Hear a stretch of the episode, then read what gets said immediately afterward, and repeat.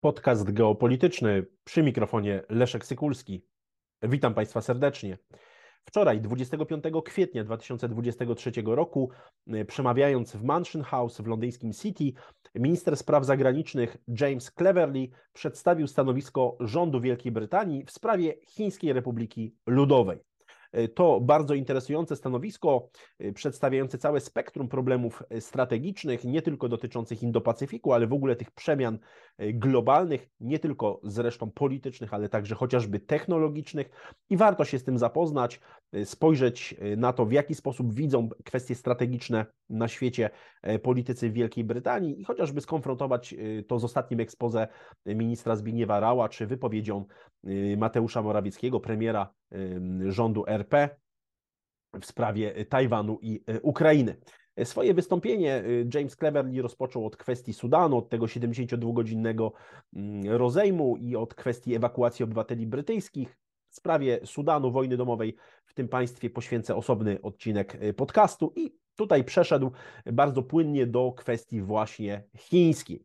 Rozpoczął w ogóle od takiego postawienia sprawy, że nie da się jednym słowem określić czy podsumować samych Chin. Czy jest to z jednej strony zagrożenie, czy jest to partner, czy też przeciwnik. Zresztą tutaj Cleverly wprost powiedział, że takie określenie jest niemożliwe i co więcej, e, nie tylko niepraktyczne, ale co najważniejsze, niemądre. niemądre. Odwołał się bardzo szeroko do do, do historii Chin, mówił o ponad dwóch tysiącach, o ponad dwóch tysiącach lat tej historii, mówił o praktycznie tym, tym okresie do 2021 roku przed naszą erą, kiedy, kiedy Chiny zostały zjednoczone przez dynastię Qin.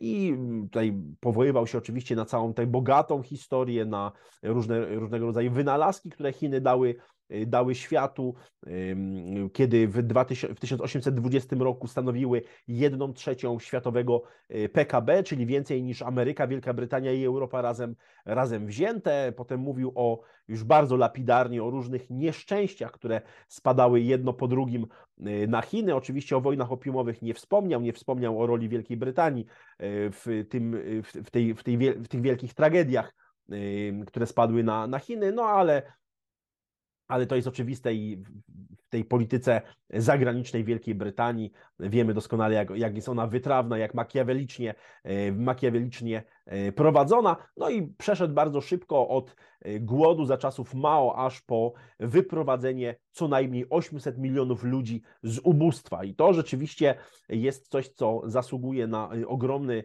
szacunek i, i, pokazuje zresztą, jak wielką ekspansję gospodarczą w historii świata Chiny osiągnęły. Sam Cleverly podkreśla, że jest to największa i najszybsza ekspansja gospodarcza w ogóle w historii, w historii naszego, naszego globu. Podkreśla, że Chiny obejmują jedną piątą ludzkości, roz, rozmiar, jeżeli chodzi o terytorium, prawie tak duży jak Europa kontynentalna, od Atlantyku po Ural i tak dalej, i tak dalej. Sporo tych pozytywów o Chinach na samym początku, na samym początku mm, Cleverly tego, tego przemówienia, tego stanowiska y, powiedział, natomiast doszedł tutaj do bardzo ważnej konkluzji, że y, zdaniem rządu brytyjskiego nie żyjemy w świecie o sumie zerowej i wcale nie jest tak, że zysk Chin jest stratą Wielkiej Brytanii.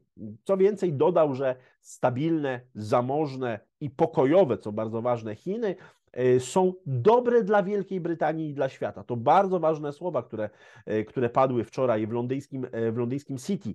Stabilne, zamożne i pokojowe Chiny są dobre dla Wielkiej Brytanii i dla, i dla świata.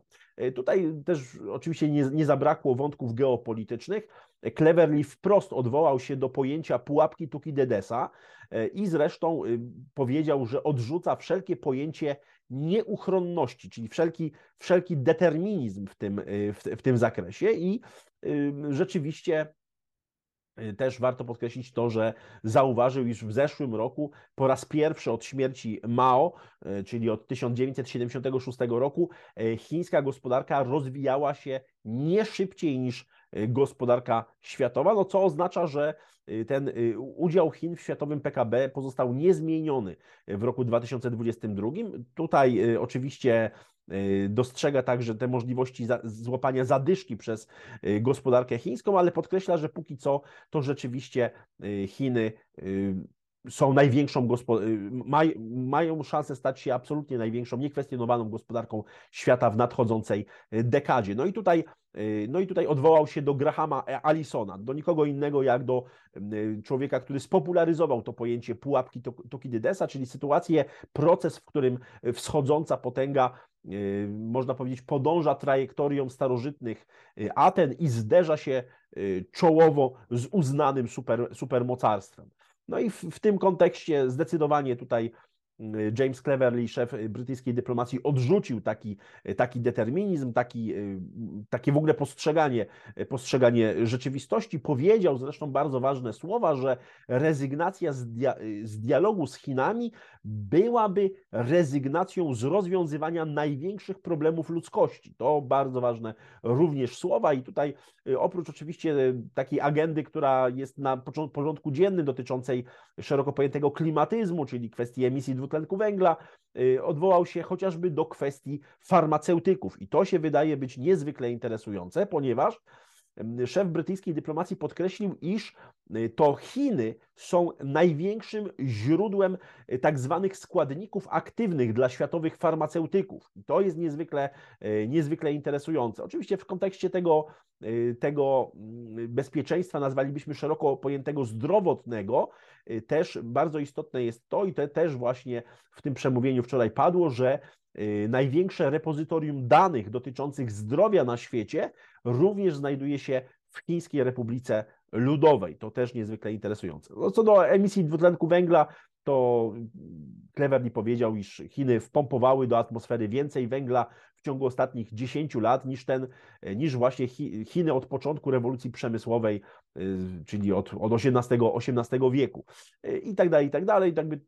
To, te kwestie zmian klimatycznych to jest jedna sprawa, natomiast tutaj niewątpliwie to wyeksponowanie kwestii bezpieczeństwa zdrowotnego i e, tego wielkiego repozytorium danych na temat dotyczących zdrowia, danych dotyczących zdrowia, y, repozytorium składników aktywnych dla światowych farmaceutyków, no to pokazuje jasno, jak Chiny bardzo mocno mogą wpływać e, w ciągu najbliższej dekady w ogóle na kwestie bezpieczeństwa w skali w, skala, w skali globalnej. W związku z tym y, szef brytyjskiej dyplomacji w sposób niezwykle klarowny, niezwykle dobitny powiedział, że Wielka Brytania nie ma zamiaru dołączać do żadnej nowej zimnej wojny wymierzonej przeciwko Chinom i co więcej, nie zamierzają w żaden sposób izolować Chin. Izolować Chin. No myślę, że to to jest niezwykle interesujące. Co więcej, tam padły bardzo mocne słowa w tym przemówieniu Cleverliego, ponieważ y, powiedział, że taka polityka, polityka izolacji Chin byłaby zdradą interesu narodowego Wielkiej Brytanii. Zdradą interesu narodowego Wielkiej Brytanii, no i też oczywiście jakby niezrozumieniem tych procesów, które, y, które, które zachodzą. No jednocześnie szef brytyjskiej dyplomacji podkreślił, że kontakty z Chinami to nie są proste sprawy. Y, użył w ogóle bardzo ciekawego określenia, że kontakty z Chinami nie są dla osób o słabych nerwach. To padły takie, takie słowa y, w jego, w jego przemówieniu. No, tam oczywiście mówił szeroko o autorytarnej tradycji, sprzecznej z, z tradycją brytyjską i tak dalej, i tak dalej. To możemy oczywiście, mm, możemy dyskutować, jak to, jak to, jak to wygląda i jak wyglądała polityka polityka Wielkiej Brytanii, jak wygląda obecnie i czy rzeczywiście ta, mm, ten, ten, ta, ten swoisty kult politycznej e, poprawności e, nie jest formą e, pewnego autorytaryzmu, ale to jakby można zostawić na osobną, na osobną dyskusję. Faktem jest, że bardzo e, liczy szef brytyjskiej dyplomacji na współpracę między oboma e, państwami, e, także w kontekście współpracy, jeśli chodzi chociażby o rolnictwo, bo też, też, te, kwestie, też te kwestie padły. Zresztą podkreślił bardzo mocno pozycję Wielkiej Brytanii jako członka założyciela Azjatyckiego Banku Inwestycji Infrastrukturalnych, w związku z tym też tutaj uważa, że taka konstrukty, takie konstruktywne podejście no, pozwoliło y, nie, y, że tak powiem, y, nie, nie stworzyć upolitycznionego przedłużenia inicjatywy pasa i szlaku, tak jak to, jak to próbował, próbował argumentować. No i oczywiście tutaj Cleverly podkreślił, iż brytyjska dyplomacja będzie łączyła dwa nurty. Z jednej strony współpracę z Chinami tam, gdzie jest to konieczne, z drugiej strony bycia, tak, prezentowanie takiej niezachwianej postawy, czy też postawy realistycznej w kontekście chińskiego autorytaryzmu, jak to, jak to określił właśnie James Cleverly. No, sporo poświęcił czasu na, te, na, na temat praw człowieka, podkreślił, że Chiny są stałym członkiem Rady Bezpieczeństwa y, ONZ, że ponoszą szczególną y, odpowiedzialność za przestrzeganie Karty Narodów Zjednoczonych, odwołał się do Powszechnej Deklaracji Praw Człowieka i Obywatela, y, jakby też od, odniósł się do kwestii swobody Hongkongu, no i mm, Oczywiście z uwagi tutaj także na, na, na tę tradycję brytyjską w Hongkongu, no i także nie omieszkał powiedzieć o łamaniu praw człowieka, o, o masowym więzieniu Ujgurów w Xinjiangu, i, i także tutaj jakby też to, też, to, też to wybrzmiało, natomiast zostało to osadzone bardzo mocno w kontekście y, zasady win-win, zasady zwycięstwa, y, y, można powiedzieć, w, te, w sytuacji, w której każdy jest zwycięzcą, gdzie każdy, każdemu kto współpracuje, przypada określona, y, określona korzyść. W związku z tym też to jest niezwykle interesujące i, e, i, i warto to podkreślić. Polityka brytyjska wobec Chińskiej Republiki Ludowej w, tym, w tej wizji Jamesa Cleverly'ego ma opierać się na trzech filarach, na trzech podstawowych filarach. Pierwszy filar to jest kwestia wzmacniania ochrony bezpieczeństwa narodowego, wtedy, gdzie no, ewentualne wpływy chińskie mogłyby zagrażać bezpieczeństwu narodowemu Wielkiej Brytanii. Podał tutaj konkretny przykład, chodzi o sieć 5G.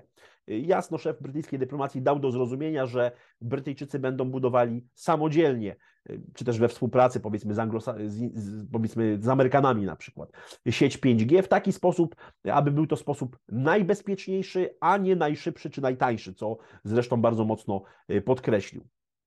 Kolejna kwestia to jest y, pogłębianie współpracy, wzmacnianie sojuszy z, z przyjaciółmi, z partnerami, znaczy może inaczej, z przyjaciółmi to złe słowo, z partnerami Bry y, Wielkiej Brytanii w regionie y, Indo-Pacyfiku. To było też bardzo mocno zabrzmia, wy, wybrzmiało. Tutaj konkretnie wymienił także, także perspektywę zostania przez Wielką Brytanię dwunastym członkiem Partnerstwa Transpacyficznego, czy podkreślił rolę Wielkiej Brytanii Y, jako, jako partner dialogu Stowarzyszenia y, Narodów Azji y, Południowo-Wschodniej. Podkreślił także jakby pogłębianie długoterminowego partnerstwa z Indiami, z Japonią.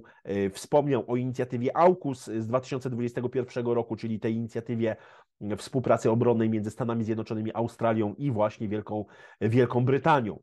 Dostrzega niebezpieczeństwa w kontekście bezpieczeństwa na Indo-Pacyfiku. Podkreślił Cleverly, że w ciągu zaledwie czterech lat, czyli między rokiem 2014 a 2018, Chiny zwodowały nowe okręty wojenne, które przekraczają łączny tonaż całej aktywnej floty Royal Navy. To bardzo, bardzo ważne i to bardzo mocno wybrzmiało w tym, w, w tym, w tym przemówieniu. No ale w związku z tym podkreślił również, że Wielkiej Brytanii bardzo zależy na pokojowym rozwiązaniu y, konfliktu w cieśninie y, tajwańskiej. Podkreślił, że, powołując się zresztą na y, Nikkei Asia, że wojna w cieśninie tajwańskiej byłaby tragedią dla całej ludzkości, ponieważ zniszczyłaby światowy handel o wartości 2,6 biliona, biliona dolarów i tak właściwie żaden naród na, na, na naszym globie nie mógłby uchronić się przed reperkusjami, przed skutkami takiej, takiej wojny. No i wreszcie Trzeci filar brytyjskiej polityki zagranicznej to bezpośrednia współpraca z Chinami, zarówno dwustronna, jak i multilateralna, wielostronna w celu zachowania, ale także stworzenia nowych różnych relacji gospodarczych, handlowych, e, które e, odzwierciedlałyby globalne znaczenie e, Chin. I tutaj reasumując, myślę, że to, to przemówienie Kleberliego było oczywiście osadzone bardzo mocno w tradycji brytyjskiej dyplomacji. Starałem się zaakcentować kilka takich, kilka takich wątków, ale bardzo mocno nastawione na realizm. Bardzo mocno, oprócz oczywiście pewnego sztafażu, takiego ideowego, odwoływania się do praw człowieka, konkrety, konkrety, jeszcze raz konkrety, żadnej nieuchronności, żadnego determinizmu, nie mówienia o tym, że świat jest skazany na wojnę, czy że Chiny są skazane na wojnę, w wojnie w Cieśninie Tajwańskiej, czy że Wielka Brytania i e, w ogóle Anglosasi są skazani na wojnę. absolutne odrzucenie takiego determinizmu historycznego, geograficznego, pokazanie, że przyszłość można kształtować no, za pomocą tych czynników wolicjonalnych, woli człowieka, woli państw, E, i bardzo mocne nastawienie na obronę interesu e, narodowego Wielkiej Brytanii, także na rozwijanie kontaktów gospodarczych z Chinami. To myślę, że, że powinno dać bardzo wiele do myślenia e, także decydentom w Polsce. Dziękuję Państwu za uwagę.